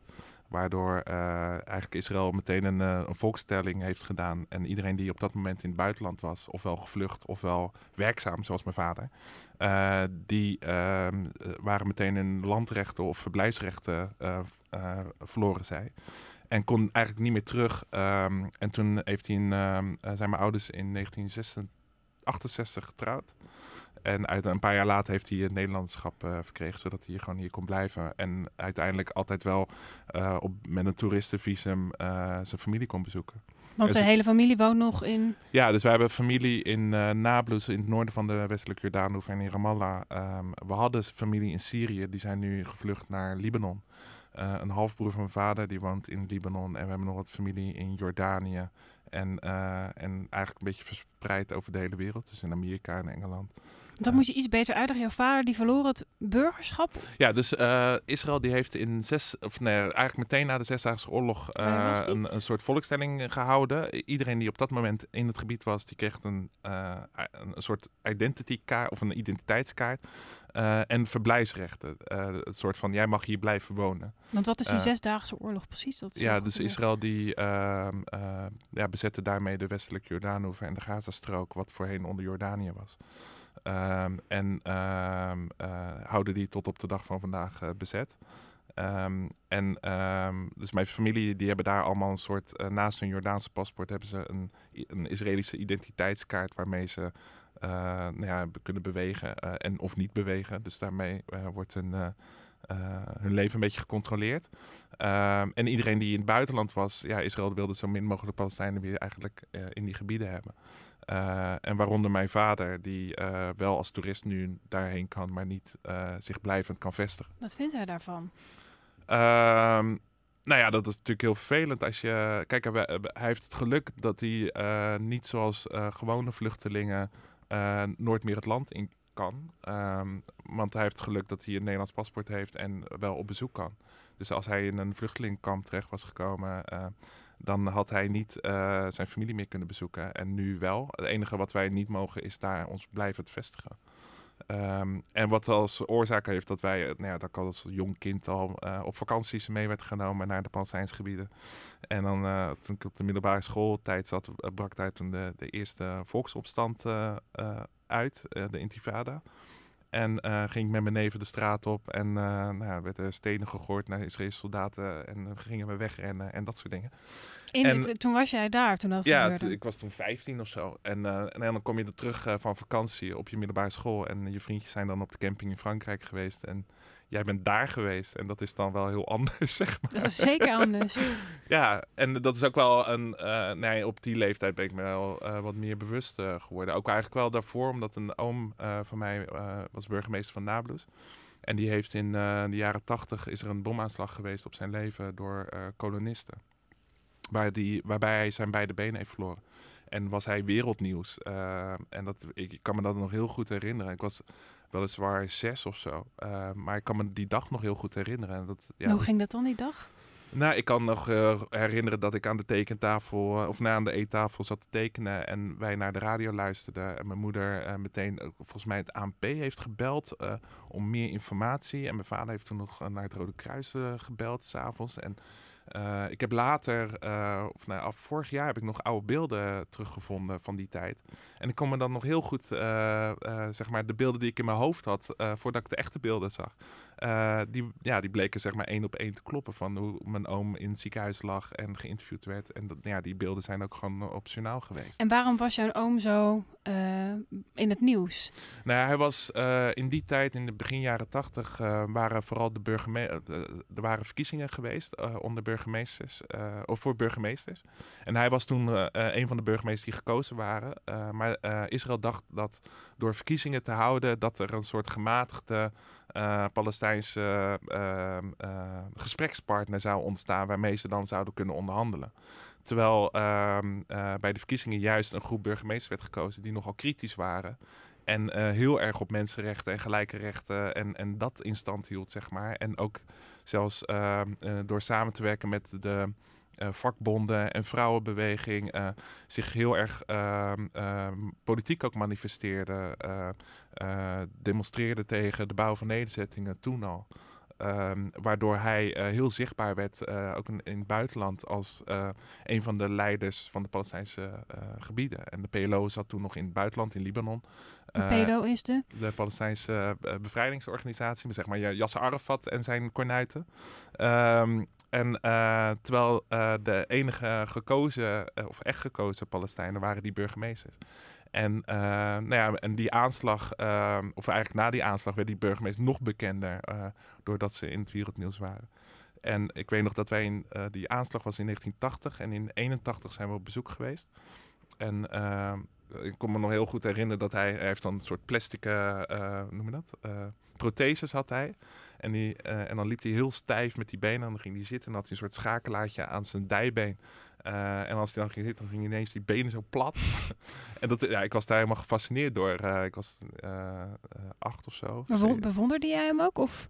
Ja, nou ja, het is, het is wel voor mij altijd wel een, een soort held geweest. En, maar ook toen ik later in de Palestijnse gebieden ging werken, en dan kwam ik, in, kwam ik wel eens in Gaza. En uh, in de Palestijnse gebieden, eigenlijk in het hele Midden-Oosten gaat, word je zeg maar geïdentificeerd naar, aan de hand van de bekendste persoon uit je familie. Dus, en voor ons was dat uh, mijn oom. Dus als ik dan vertelde, nou ja, mijn oom is de oud-burgemeester van Nablus. Oh ja, nou, die kende ze echt overal. En was uh, nou ja, een, uh, ook iemand met een hele goede reputatie. En iemand die recht door zee, ehm, die zich niet met zich liet zollen. En altijd heel erg op rechten, mensenrechten en dat soort dingen zat. Dus dat is ook wel, zeg maar, hoe mensen dan naar je familie kijken. Um, en nog later, toen ik in de kamer zat, toen moest mijn vader, die moest een gegeven moment hadden mijn ouders een appartementje in, uh, in Ramallah. En uh, mijn vader die moest iets met, uh, voor de waterbelasting regelen. Toen kwam hij bij de Palestijnse autoriteit. Toen moest hij op de kamer komen van de directeur. En die directeur die zei, een soort ambtenaar of hoge ambtenaar. En die zei, ja, El Fasset, El Fasset. is uw zoon, is dat die, die, die jongen die in een, in, in een parlement ergens in Nederland zit?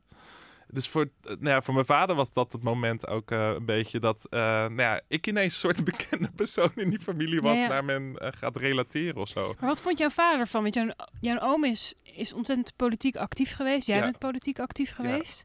Nee, mijn vader die, die wilde niks van politiek weten. Alles wat politiek was, was slecht. Nou ja, uh, politiek had uh, ervoor gezorgd dat hij niet meer naar zijn familie kon. Politiek had gezorgd dat zijn oom uh, of zijn zwager zwaar gewond was geraakt. Politiek heeft ervoor gezorgd dat mijn opa is omgekomen bij een, een bombardement door de Israëli's. Ehm, en allemaal dat soort dingen. Dus politiek voor hem is heel slecht. En, en, en wat moet je dus doen om zo ver mogelijk bij politiek vandaan te blijven? Terwijl ja, ik was de jongste in het gezin en dan ga je daar juist tegen afzetten. En ik dacht, ja, uh, als je iets wil veranderen, dan moet dat gewoon via de politiek. En was dat de algemene tendens bij jou? Hoeveel broers en zussen heb je eigenlijk? Ik heb één uh, oudere broer. Uh, die is later, toen ik weer terug was in Nederland, is hij uh, uh, bij de Palestijnse KPN gaan werken. Zij dus zit heel erg in de telecom business. die is niet zo politiek, maar voor hem was daar gaan werken, was voor hem een soort, ja, iets dat je met je roots moet doen. En ik vergeleek het vroeger altijd, als iemand dan zei van, ja, ben je dan meer Palestijn dan Nederlander? Of hoe werkt dat? En dan vertel ik altijd het verhaal dat, nou ja, stel dat je een, twee kinderen hebt, een, een tweeling. Uh, maar de ene is, die, die, heeft een ziekte of, of heeft iets anders gebrekkig. Dan betekent niet dat je minder of meer van een van de twee houdt. Maar dat je meer aandacht aan, aan het kind geeft wat ziek is. En dat, voor mij is dat mijn Palestijnse achtergrond. Dat ik daar iets meer aandacht aan heb besteed. Om het proberen te beter te maken, zodat er een soort balans weer is tussen je beide achtergronden, zeg maar. En hoe heb jij daar dan de aandacht aan besteed? Nou, door bijvoorbeeld na mijn studie een aantal jaren daar te gaan werken. en later ben ik, nou ja, toen, ik heb daar twee jaar toen gewerkt en vervolgens ben ik weer twee jaar teruggegaan naar Nederland en daarna weer twee jaar daar gewerkt. met het idee van ik ga ja, een soort bijdrage te leveren om dat land een beetje op te bouwen. Of in ieder geval proberen te voorkomen dat het nog erger wordt.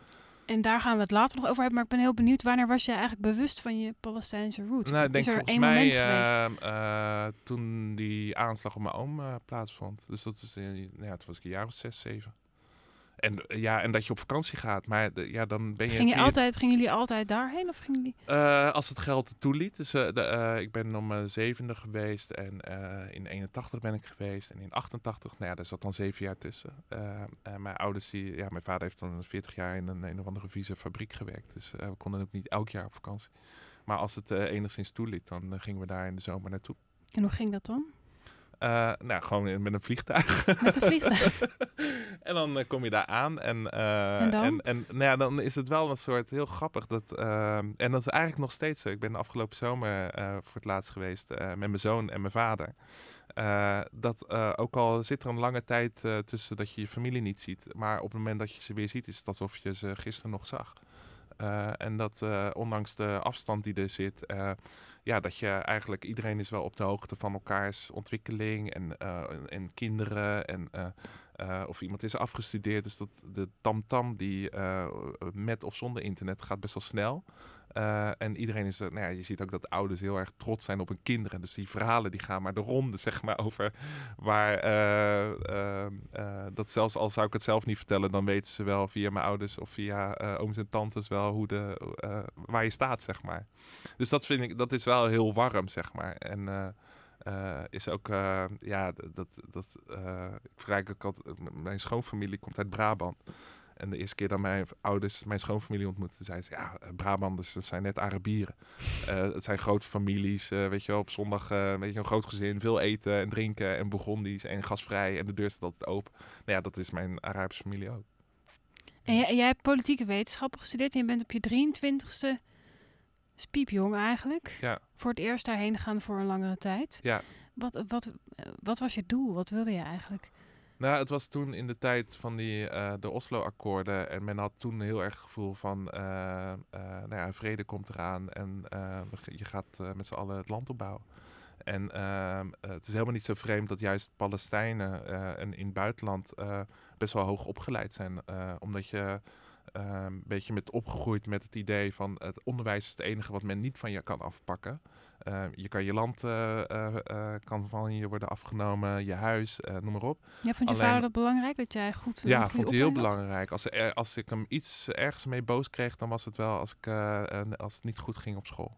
En dat, is, uh, uh, en dat zie ik bij al mijn neven en nichten zo. Dus uh, alles was prima als je maar goed deed op school. En, en ook met het idee van laten je land opbouwen en een bijdrage leveren met je kennis en kunde. En een, uh, wat vond hij dan van politieke wetenschappen als hij zo tegen ja, politiek hij, was? Ja, hij dacht, uh, wat wil je dan worden? Minister of zo? Nou ja, nee. uh, nee, ik ben ooit, uh, nou ja, toen op de lagere school, toen vroeg een leraar ooit al van, nou ja, weet je, dat, dat ze altijd doen van, wat wil je laten worden? En dan zeiden vriend, vriendjes en vriendinnetjes brandweerman of verpleegster of arts of weet ik veel. En ik zei toen ambassadeur of journalist. En uh, mijn leraar op de lagere school, die had, zei toen al gevat... Oh, ik snap het al. Je wil natuurlijk de Palestijnse ambassadeur in Nederland worden... of de Nederlandse ambassadeur in Palestina... of de Nederlandse correspondent in Palestina... of de, Nederlandse, of de Palestijnse correspondent in Nederland. Uh, nou, daar zat wel een best wel een kern in... hoe je die beide werelden bij elkaar kan brengen... Uh, is er altijd wel een soort rode draad geweest. En toen op de middelbare school, nou, dan ga je naar zo'n studieadviseur. En toen vertelde ik dit verhaal. En toen zei hij, nou ja, als je, als je allebei wil worden, dan kan je het beste politicologie gaan studeren in Leiden. Want daar komen de meeste diplomaten vandaan. En dan kan je alsnog bij de krant gaan werken als je dat zou willen. maar het is net even iets anders geloof ik. Ik heb wel die studie gedaan. en toen toen kwam je op je 23ste aan. En toen kwam ik daar om mijn 23ste aan en voor een bruiloft van mijn neef. Uh, en toen ben ik daar gebleven. Uh, je had niet het plan om daar lang te zijn? Nee, ik was afgestudeerd en, ehm, en mijn neef ging trouwen. en ik was niet eigenlijk, waren we gewoon van plan om gewoon naar die bruiloft te gaan. en dat beviel me zo goed. de gebieden werden toen afgesloten. Dus het was meteen al gelijk alweer politiek. Mijn vader is toen teruggegaan en ik ben toen gebleven. Ik ben daar gaan werken bij eerst een onderzoeksinstituut. Wat opiniepeilingen deed onder Palestijnen en heel veel onderzoek ook deed. Ehm, en vervolgens ben ik bij de Nationale Ombudsman gaan werken. En, wat... en dat was wel bijzonder, want dat was de eerste ombudsman in het Midden-Oosten. En die deden, uh, verwerkte heel veel klachten van burgers over. Ik heb een onderzoek gedaan naar corruptie. Uh, onderzoek gedaan naar. Van welke burgers van? Uh, dus Palestijnse, Palestijnse burgers onder de, de net ontstaande Palestijnse autoriteiten. Dus okay. dat was in, die, in die begintijd.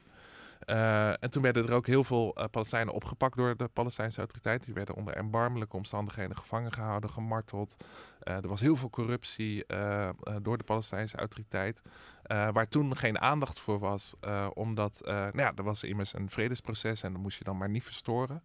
Ehm, maar ondertussen dacht ik van ja, hallo, uh, mijn neef en nichten zijn de straat op gegaan voor onafhankelijkheid en voor een eigen staat. En nu is er een soort van halve eigen staat en uh, uh, doe je precies hetzelfde wat de Israëli's altijd deden. daar zijn zij niet de straat op gegaan. Vond je dat, vond je dat was dat schokkend dat je daarachter kwam? Ik ja, dat was echt super frustrerend. Uh, wist je wel, toen je in Nederland was, had je daar had je het idee iedereen is daar één met elkaar? Of had je, Um, nou, deels. Uh, kijk, ik kom wel uit een kritische familie, zeg maar. Die dat allemaal wel met uh, een hapje, uh, een korreltje zout tot zich neemt, zeg maar. Maar ik had de, de tijd toen was, er ontstaat een nieuwe situatie. Ehm, we kunnen het land op gaan bouwen. over een aantal jaren is er een eigen staat. en moeten we zorgen dat er de instituties zijn die dat kunnen gaan dragen. Ehm, maar toen ik daar kwam, uh, merkte ik al heel snel dat het helemaal geen vredesproces was, maar een soort zoethoudertje. Uh, dat uh, Israël nu ehm, de gebieden kon bezetten, maar een soort, met, met, een soort op afstand, met een remote control, zeg maar. En dat de Palestijnse autoriteit helemaal er niet was voor haar eigen burgers, maar voor Israël. En dat is eigenlijk tot de dag van vandaag niet veranderd. En, en de situatie is alleen maar slechter geworden in de afgelopen twintig jaar. Terwijl er een soort van nou ja, tussen aanhalingstekens een vredesproces uh, gaande was. Um, en door dat vredesproces werden mensenrechten opzij geschoven, werden mensen gemarteld, uh, uh, werd de bewegingsvrijheid alleen maar slechter en kleiner. Ehm, en ik denk, ja, als dit vredesproces is, wat is dan oorlog? Ik bedoel, ja, weet je wel, zo komt er nooit een einde aan dat gedoe. Wat, wat, deed dat met je, dat je... nou, ik heb op een gegeven moment, dat was weer wat later, toen was in de jaren, nou, begin 2000, toen had je opnieuw een opstand. En toen reden de tanks door de straten. En toen was het helemaal een situatie dat ik denk van, ach, jeetje, hoe, hoe heftig kan het zijn? En, maar maar dat hoe heel was het erg... dan? Als je over straat liep en naar je lokale supermarkt ging, wat zag je dan allemaal? Nou ja, het, het, het, nadeel is dat je daar, en met je dagelijks werk was ik ermee bezig. Maar ook als ik klaar was met werken en naar, naar huis liep, dan moest ik door een checkpoint. En ehm, uh, Hoe gaat het als je door stond er een tank bij mijn, bij mijn oom en tante voor de deur, uh, dat ik daardoor niet op bezoek kon en, en, nou ja, en allemaal dat soort zaken. Maar het irritante was dat je het gevoel hebt dat je zo'n heel conflict op je schouders draagt. En dat je de, een soort bijna melog, nou ja, een soort melogomaan het idee hebt dat je, dat je geen dag niet ziek kan zijn, omdat er dan nog ergere dingen gebeuren. En ja, dan, dan zit je gewoon tegen een burn-out aan. en dat heb, ik ben toen ook wel echt een soort halve burn-out daar weggegaan. Uh, omdat je gewoon het gevoel had van ja, uh, je, je gaat erheen met het idee van uh, ik, ja, om de situatie proberen te beter te krijgen. En als je dan heel effectief gaat kijken van nou, wat heb je dan bereikt in, in twee jaar tijd? Nou, eigenlijk heel weinig tot niks. En dat is best wel frustrerend. ja. En hoe is het dan om, om terug te komen? Was je, was je mur ben je... Ja, nou, ik heb toen best wel een tijd gehad dat ik gewoon geen nieuws wilde volgen en uh, geen, uh, niks over dat uh, hele conflict wilde horen. Ehm, dat het idee had van, ja, mensen snappen het ook allemaal niet. En het, het is helemaal, weet je, die, die flarden die je op een journaal krijgt, dat, is, dat zijn de uitzonderingen en dat zijn niet het dagelijkse leven. En het, nou ja, je merkt ook dat mensen een kort termijn geheugen hebben. Maar ja, wat weet ik van een Tanzania of een Burundi? Of, bedoel, ik kan het de mensen ook niet kwalijk nemen. En ik heb altijd, toen altijd wel gedacht van ja, je moet mensen toch een soort aan de hand proberen mee te nemen naar dat gebied. En uh, want ik merkte heel vaak dat als ik daar was en er kwam een groep uh, mensen langs uit het buitenland. En je liet dan dingen zien dat mensen uh, wel best wel in een korte tijd door hadden van oh, maar zit dat zo? weet je wel, dat je dan op een hele andere manier mensen wel kan overtuigen dat de situatie zoals die is gewoon niet houdbaar is. En en dat ik eigenlijk al best wel vrij snel door had dat een twee-staat-oplossing waar iedereen zijn mond van vol had, dat dat uh, gewoon niet ging werken. Uh, dat ik zag dat. Uh, waarom gaat dat niet werken? Nou, omdat ik zag dat als je kijkt naar hoeveel kolonisten er op de westelijke Jordaan hoeven wonen. en dat eigenlijk de gemiddelde afstand tussen een Palestijn en een Israëli nog geen 100 meter is. Ja, hoe wil je daar een grens doortrekken? En dat het eigenlijk niet gaat om een vlag of om een staat of uh, om een parlement, maar dat het gaat om gelijke rechten. En dat het gaat om dat als ik voor een rechtbank sta, dat ik niet door Israëlische rechters en Israëlische advocaten en Israëlische politie daar sta als Palestijn, maar dat ik vertrouwen kan hebben op een rechtsstaat. en dat je, ongeacht of je een Palestijn of Israëli bent, dat je in ieder geval minstens voor de wet gelijk bent. En dat is nu niet zo. Je bent nu niet voor de wet gelijk. Nee. Nee, er is nog een twee-staat-oplossing, nog uh, uh, een één-staat. Uh, terwijl de praktijk is wel dat mensen door elkaar heen leven. En dus ik geloof niet meer in onderhandelingen tussen, waarin je grote groepen gaat scheiden. Maar juist dat je moet gaan zoeken naar oplossingen waar, op basis waarvan je mensen kan laten samenleven. En, en voor mij is die basis dat je in ieder geval voor de wet gelijk bent. En dat is een hele andere oplossing waar, dan waar de politiek nu naartoe gaat. En die zit eigenlijk meer in het institutionaliseren van een, een zekere mate van onderscheid tussen bevolkingsgroepen. En een soort, uh, nou ja, als we dan hier een aparte weg maken voor Palestijnen, dan hoeven die Israëli's daar niet op te rijden. En als we maar grote muren maken en hekken, en dan komt het allemaal wel goed. Maar ik geloof er echt totaal niet in. Ben je een pessimist in dat opzicht nu? Wat... Nee, nou, uh, ik bedoel, ik ben wel cynischer geworden. Uh, maar ik ben in die zin wel een optimist dat het meer een kwestie van tijd is dan uh, dat het ooit niet gaat gebeuren, zeg maar. Uh, alleen de, de, het jammere van uh, dat het een kwestie van tijd is, dat het gewoon nog heel veel levens gaat kosten. En dat maakt het heel cynisch. Hè, dus je ziet gewoon om de zoveel jaar is er een een of andere uitbarsting en dan heel veel doden en dan komt de internationale gemeenschap weer bij elkaar of dan komt er weer een resolutie. En dan blijft het nog steeds hetzelfde. En dan een paar jaar later barst de bom opnieuw. En ondertussen hebben jongeren geen uitweg, radicaliseren alleen maar. Ja, bedoel, dat is gewoon vragen om problemen. Kan je en je ziet gewoon hele generaties uh, naar de kloten gaan. En dat, dat is gewoon heel zonde en heel jammer. En hoe, hoe, kan jij in dat, in dat opzicht dat je zegt jongeren radicaliseren, die kunnen, kunnen in die zin niet echt bijdragen aan. Ja, als je geen toekomst hebt, radicaliseer je. Als je met de rug tegen de muur staat. Kan je dan ergens ook identificeren met hoe dat nu bijvoorbeeld in, in, in, in Europa gaat met jongeren die radicaliseren? Ehm, ja, wel anders. Ehm, maar ik zie dat het radicaliseren in Europa is, heeft ook een beetje. Ja, waarom wordt iemand ineens gothic of zo? Of waarom. Uh, ja, een beetje als je kijkt naar de leeftijdsgroepen waar het in gebeurt. Het is ook een beetje afzetten tegen. Ehm, en ik geloof heel erg als er alleen maar op uh, buitenlands wordt uh, ingehakt, zeg maar, in media en politiek, dat, uh, dat je grote groepen jongeren hebt die zich daar tegen af gaan zetten. En dan, nou, dat kan op verschillende manieren tot uiting komen. Dus dat, daar maak ik me wel weer zorgen over. Ehm, maar het is wel, ik bedoel, in Europa hebben we het onwijs goed. als je dat vergelijkt met, nou ja, als je je verplaatst in de jongeren in Gaza bijvoorbeeld waar je omringd wordt door, nou ja, waar je op een paar vierkante meter mag bewegen en voor de rest zijn er hekken. Um, en uh, mijn broer die heeft een tijdje uh, zich bezig gehouden met allerlei start-ups en, uh, en internetbedrijfjes. En de grap is dat daar best wel wat Palestijnse vrouwen uit Gaza bij zaten, die op zolderkamertjes, nou halve zolderkamertjes, zaten te programmeren. Want hun uitweg was via het internet. En dat via het internet hun uitweg naar de buitenwereld was. En dat is niet alleen goed voor hun eigen economische positie. Uh, maar uh, maak ze ook onafhankelijk van hun ouders. En uh, dus nou ja, wil je emanciperen, dan moet je gewoon gaan investeren in dat soort start-ups in Gaza. Want die hebben hun uitweg is via het internet. En dat is dan enerzijds een, een soort wrang, maar aan de andere zijde biedt het ook weer hoop. weet je, je ziet ook hele goede dingen ontstaan. Ik geloof dat de, de Facebookpagina van Mark Zuckerberg werd gehackt door een, een jongen uit Hebron. Um, uh, en een vriend van mij die vertelde in Nablus dat dankzij Facebook dat hij niet meer afhankelijk was van de telefoon naar het meisje waar hij dan verliefd op was. Dat hij eerst om die ouders heen moest, maar dat hij gewoon direct nu met dat meisje kon communiceren. Nou ja, dus, dat, uh, social media biedt uh, mogelijkheden. Ja, het biedt heel veel mogelijkheden. En, um, en, nou ja, en wat je in de Palestijnse gebieden ziet, is dat mensen uh, nou ja, echt uh, best wel klaar zijn met autoriteit. Ik bedoel, de gemiddelde leeftijd is onder de 18. Terwijl als je kijkt naar de gemiddelde leeftijd van politici, daar is boven de 80. Nou ja, er zit nogal een verschil tussen qua uh, of je, nou ja, de afstand tussen politiek en burger is nogal groot.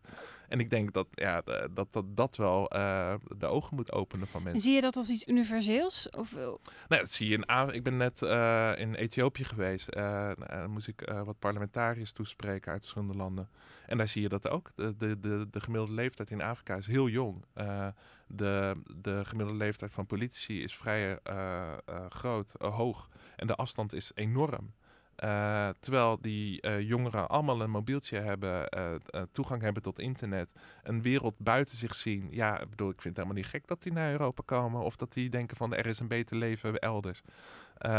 Maar dat, dat soort bewegingen kan je wel kanaliseren en daar kan je wel door slim te investeren en slim gebruik van te maken, dat die jongeren hun eigen land gaan opbouwen.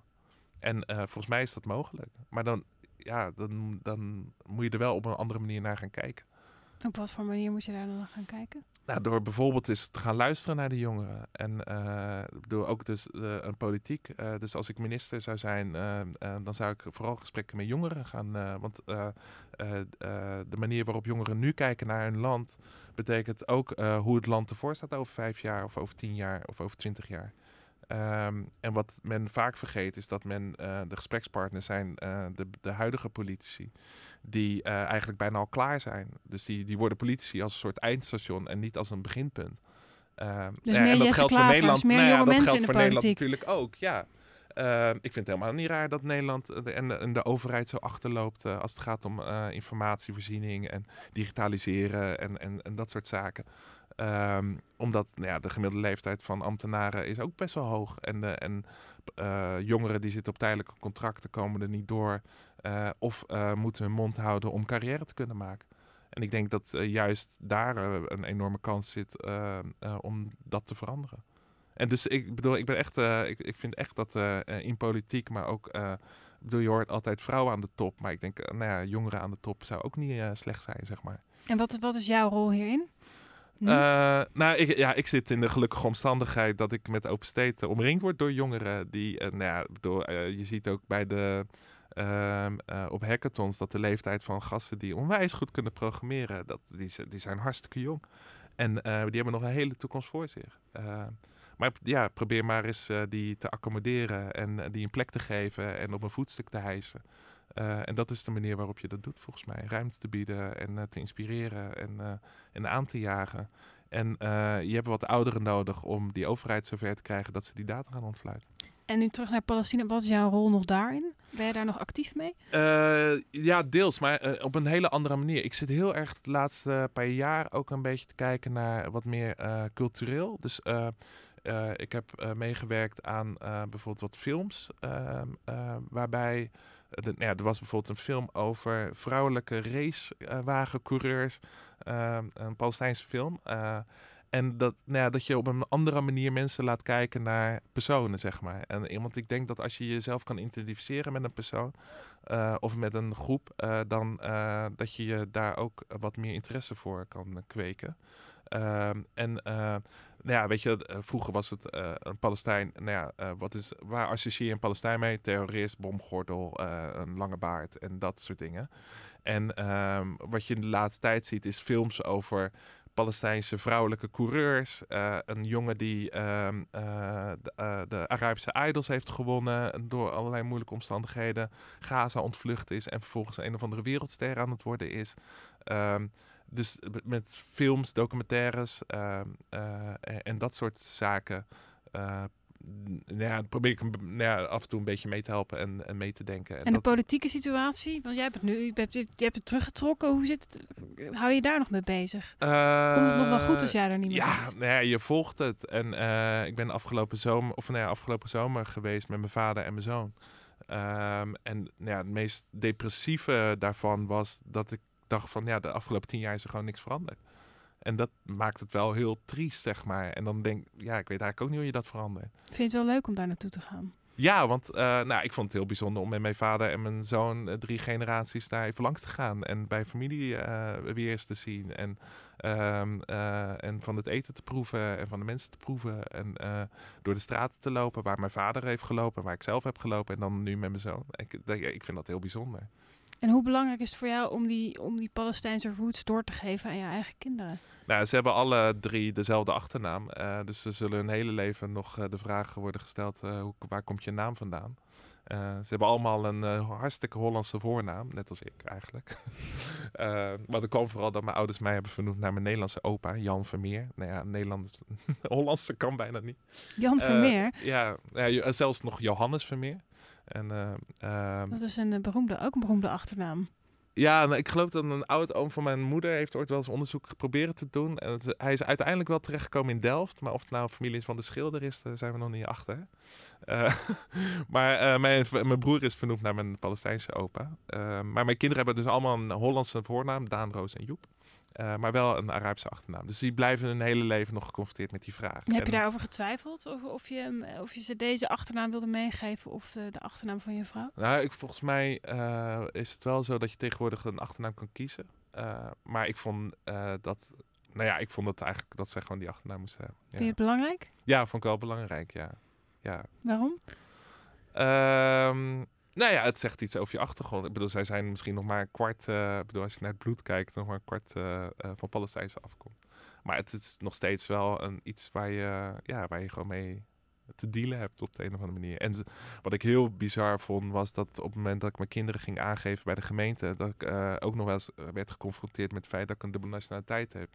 En dat mijn kinderen automatisch ook een dubbele nationaliteit hebben, zonder dat je daar een keuze in hebt. Dus, um, en ik heb niks met die dubbele nationaliteit, want het is een Jordaanse uh, nationaliteit.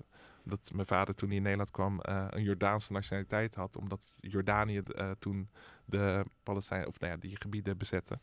Um, maar ik kon niet tegen de gemeente zeggen, of ik kon wel tegen de gemeente zeggen van ik hoef voor mijn kinderen hoef ik geen dubbele nationaliteit. Maar ze zeiden ja, nee, die krijg je automatisch. ja, wij worden ook maar opgedragen om dit te registreren. En ja, dus dat is een beetje raar. En uh, volgens mij is die wetgeving nu inmiddels wel veranderd. dat je die keuze hebt. Maar ik bedoel, als ik daar af van zou moeten, dan zou ik een rechtszaak moeten aanspannen tegen de koning van Jordanië. En nou ja, dan kom ik Jordanië weer niet binnen. En dan, nou ja, dan heb je heel veel problemen, zeg maar. Dus ik laat het maar lekker zo. Ik heb ja. maar één paspoort en dat vind ik prima. En met jouw Palestijnse roots ben je betrokken geweest bij het oprichten van verschillende websites. Ja. Um, en het gevolg daarvan is dat je dit jaar door een Amerikaanse actrice oh voor nazi bent uitgemaakt. Ja, ja, dat gebeurt dan. Ja, ik was wat net vind terug... je daarvan? Wat, nou, wat doet het met je? Het als was echt heel bizar, want ik kwam, wij waren net terug van vakantie en ineens zie ik ineens mijn timeline op Twitter uh, ontploffen. Omdat een of andere uitgerangeerde, bipolaire, volgens mij aan alcohol verslaafde... Uh, uh, B-actrice. Ik wil graag een naam horen.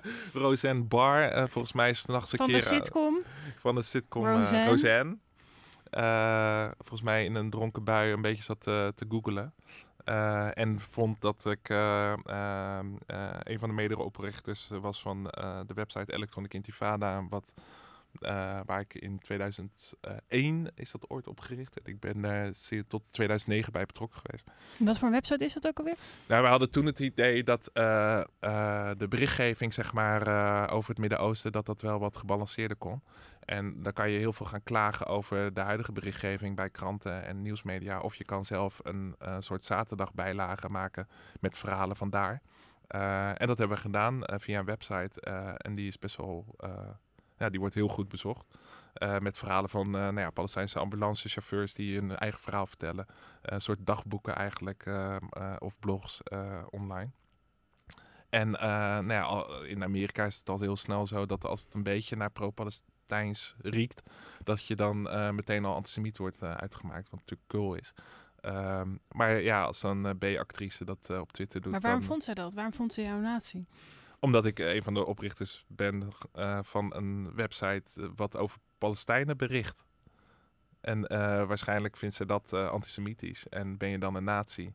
En vervolgens gingen daar wat mensen op tegen in.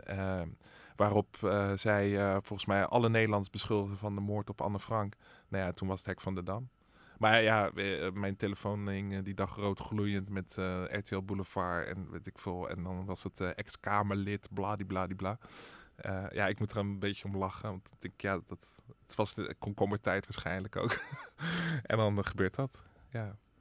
Kan je eigenlijk niet zo heel veel aan het tegen doen. Want het- ja, iemand zegt dat en dan is het blijkbaar waar of zo. Ja, ben je er nog op in? Ben je nog tegen ingegaan of heb je het gelaten? Nou, ik heb haar. ehm, eh, wat had ik gedaan? Oh ja, bij Twitter kan je, eh, als zoiets gebeurt, kan je iemand eh, blokkeren. Maar je kan ook iemand eh, eh, rapporteren.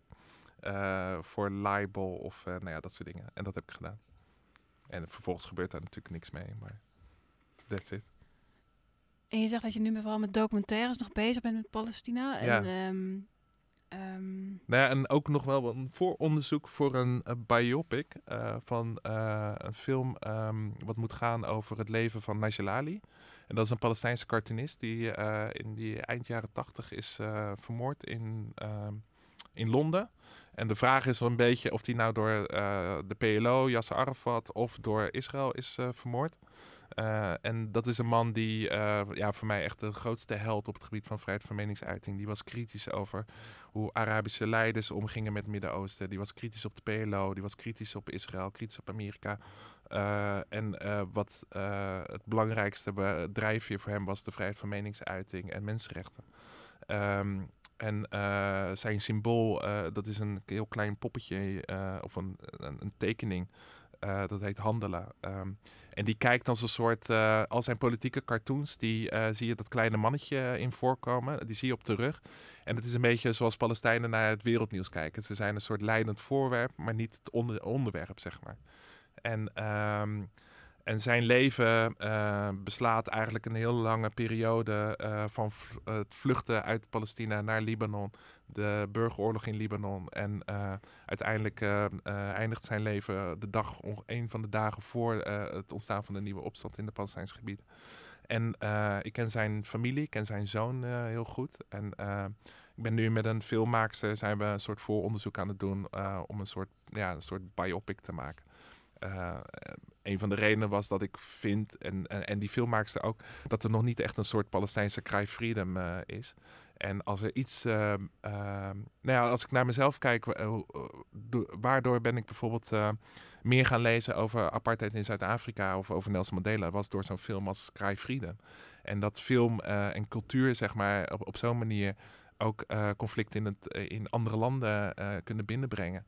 Ehm, vind ik eigenlijk een best wel een mooie gedachte. Want over, over Mandela gesproken. Je hebt ooit nog namens Mandela een brief geschreven aan een eh, gerenommeerde Amerikaanse columnist, journalist, Thomas Friedman. Ja, ja. Nou ja, de- ja, Thomas Friedman die deed hetzelfde eigenlijk, maar dan aan de hand van eh, George Bush. En, eh, en dan schreef hij memo's als column in een krant in de New York Times, waarin hij zich voordeed als een George Bush. Of een, en dat heeft hij ook gedaan met Yasser Arafat. En eh, ik heb er als er een ingezonden brief, heb ik eh, toen een memo geschreven, eh, zeg maar wat als Mandela een memo zou schrijven aan Thomas Friedman. Ehm, alleen eh, die werd niet geplaatst in de New York Times, maar verscheen wel op allerlei websites. Alleen op een gegeven moment is mijn naam verdwenen. Zoals dat gaat op internet. Eh, en eh, verscheen die eh, zelfs eh, in, eh, op voorpagina's in kranten in het Midden-Oosten. En ik, het was nog vlak voordat ik weer terugging naar het Palestijnse gebieden, dat ik van eh, iemand hoorde dat je zelfs Yasser Arafat eh, met die krant eh, in zijn handen stond en heel trots vertelde over zijn relatie met Nelson Mandela. Eh, en verwees naar een memo die Nelson Mandela had geschreven aan Thomas Friedman. Eh, en hoe goed dat eigenlijk wel niet En was. toen moest jij zeggen, En er zaten, nou, er zaten een paar mensen bij die mij kenden en wisten dat ik dat had geschreven, maar dat toen niet durfde te zeggen tegen Arafat dat ik dat was geweest.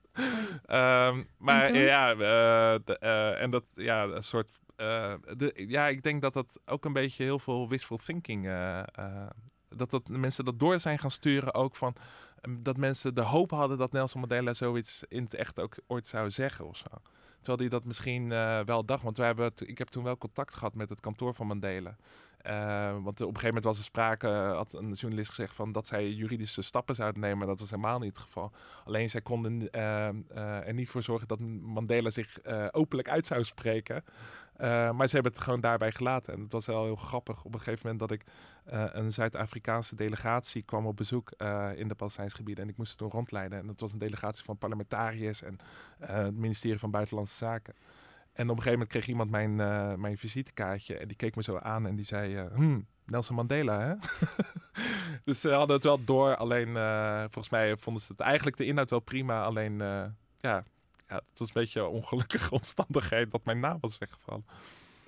Maar het, het effect is veel groter geweest uiteindelijk dan uh, dat het uh, in de New York Times heeft gestaan. Want volgens mij is het veel beter gelezen dan als het in de krant had gestaan. En ma maakt je achtergrond je dan ook beter in, in wat je doet? Heeft het je veel... Uh, nou, ik, ik denk dat... Mijn, ik, uh, ik wil niet spreken voor andere mensen met een dubbele achtergrond, maar het, het geeft wel waarde of zo. Uh, uh, het is wel bijzonder dat je twee achtergronden hebt en dat je eigenlijk in beide werelden heel makkelijk kan bewegen zonder dat je, je bent en in beide landen of beide, in beide culturen ben je niet helemaal één van, van de velen, zeg maar. Uh, wat ook irritant kan, soms kan zijn. Je hoort nergens echt bij. Je hoort nergens echt bij. En tegelijkertijd kan je overal heel makkelijk in, in bewegen. En dat is eigenlijk wel uh, super voordeel. En, maar is het erg dat je nergens bij hoort? Of? Um, nou, ik ben niet zo van dat ja, mensen in hokjes plaatsen of dat soort dingen.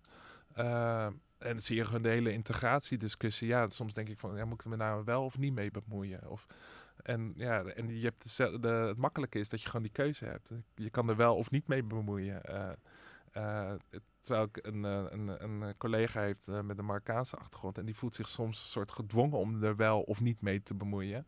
En dat maar is heel kinderen, die moeten, daarbij vind je het wel belangrijk toch dat ze... Ja, ja, ja, dat is heel gemeen van mij. Dat ik ze wel die achternaam meegegeven, ja. Ja, maar ja, ik, ik, het, maar het is ook een mooi verhaal om te vertellen. Dus ja, je geeft ze ook. Uh, want ik weet, nou ja, toen uh, de, de oudste werd geboren, hadden verpleegsters een enorme een, een, uh, een weddenschap over waar die nou vandaan kwam. Ja, alvast zijn ze hartstikke blond zijn ze. En ja, toch een beetje een rare achternaam. Hoe zit dat nou precies? Dus het, ja, het, het, leidt tot een verhaal of tot een gesprek. En dat vind ik dan wel mooi. En hoe zie jij, hoe zie jij de toekomst? Waar wil je de komende jaren nog hard voor maken?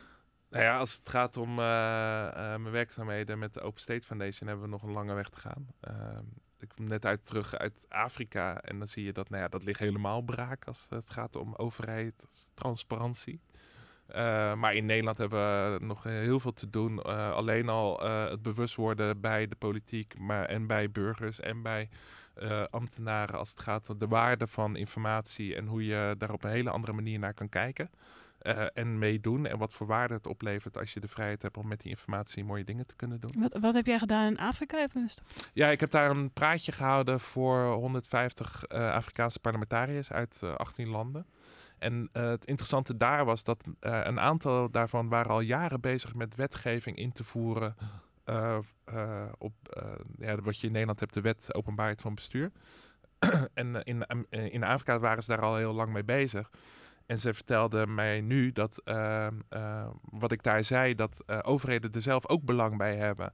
Dat eh, het leidt tot kostenbesparingen, het leidt tot innovatie, nieuwe economie. Ehm, dat dat voor een eye-opener was, omdat men nooit de, de regerende partij, ja, die zag de transparantie maar als vervelend en naar. En dat is alleen maar om schandaaltjes naar boven te brengen. Terwijl, uh, nou ja, hoe wij dat in Nederland doen, wij laten zien wat, wat je daar als overheid of als samenleving aan hebt. En wat voor waarde dat in zich heeft.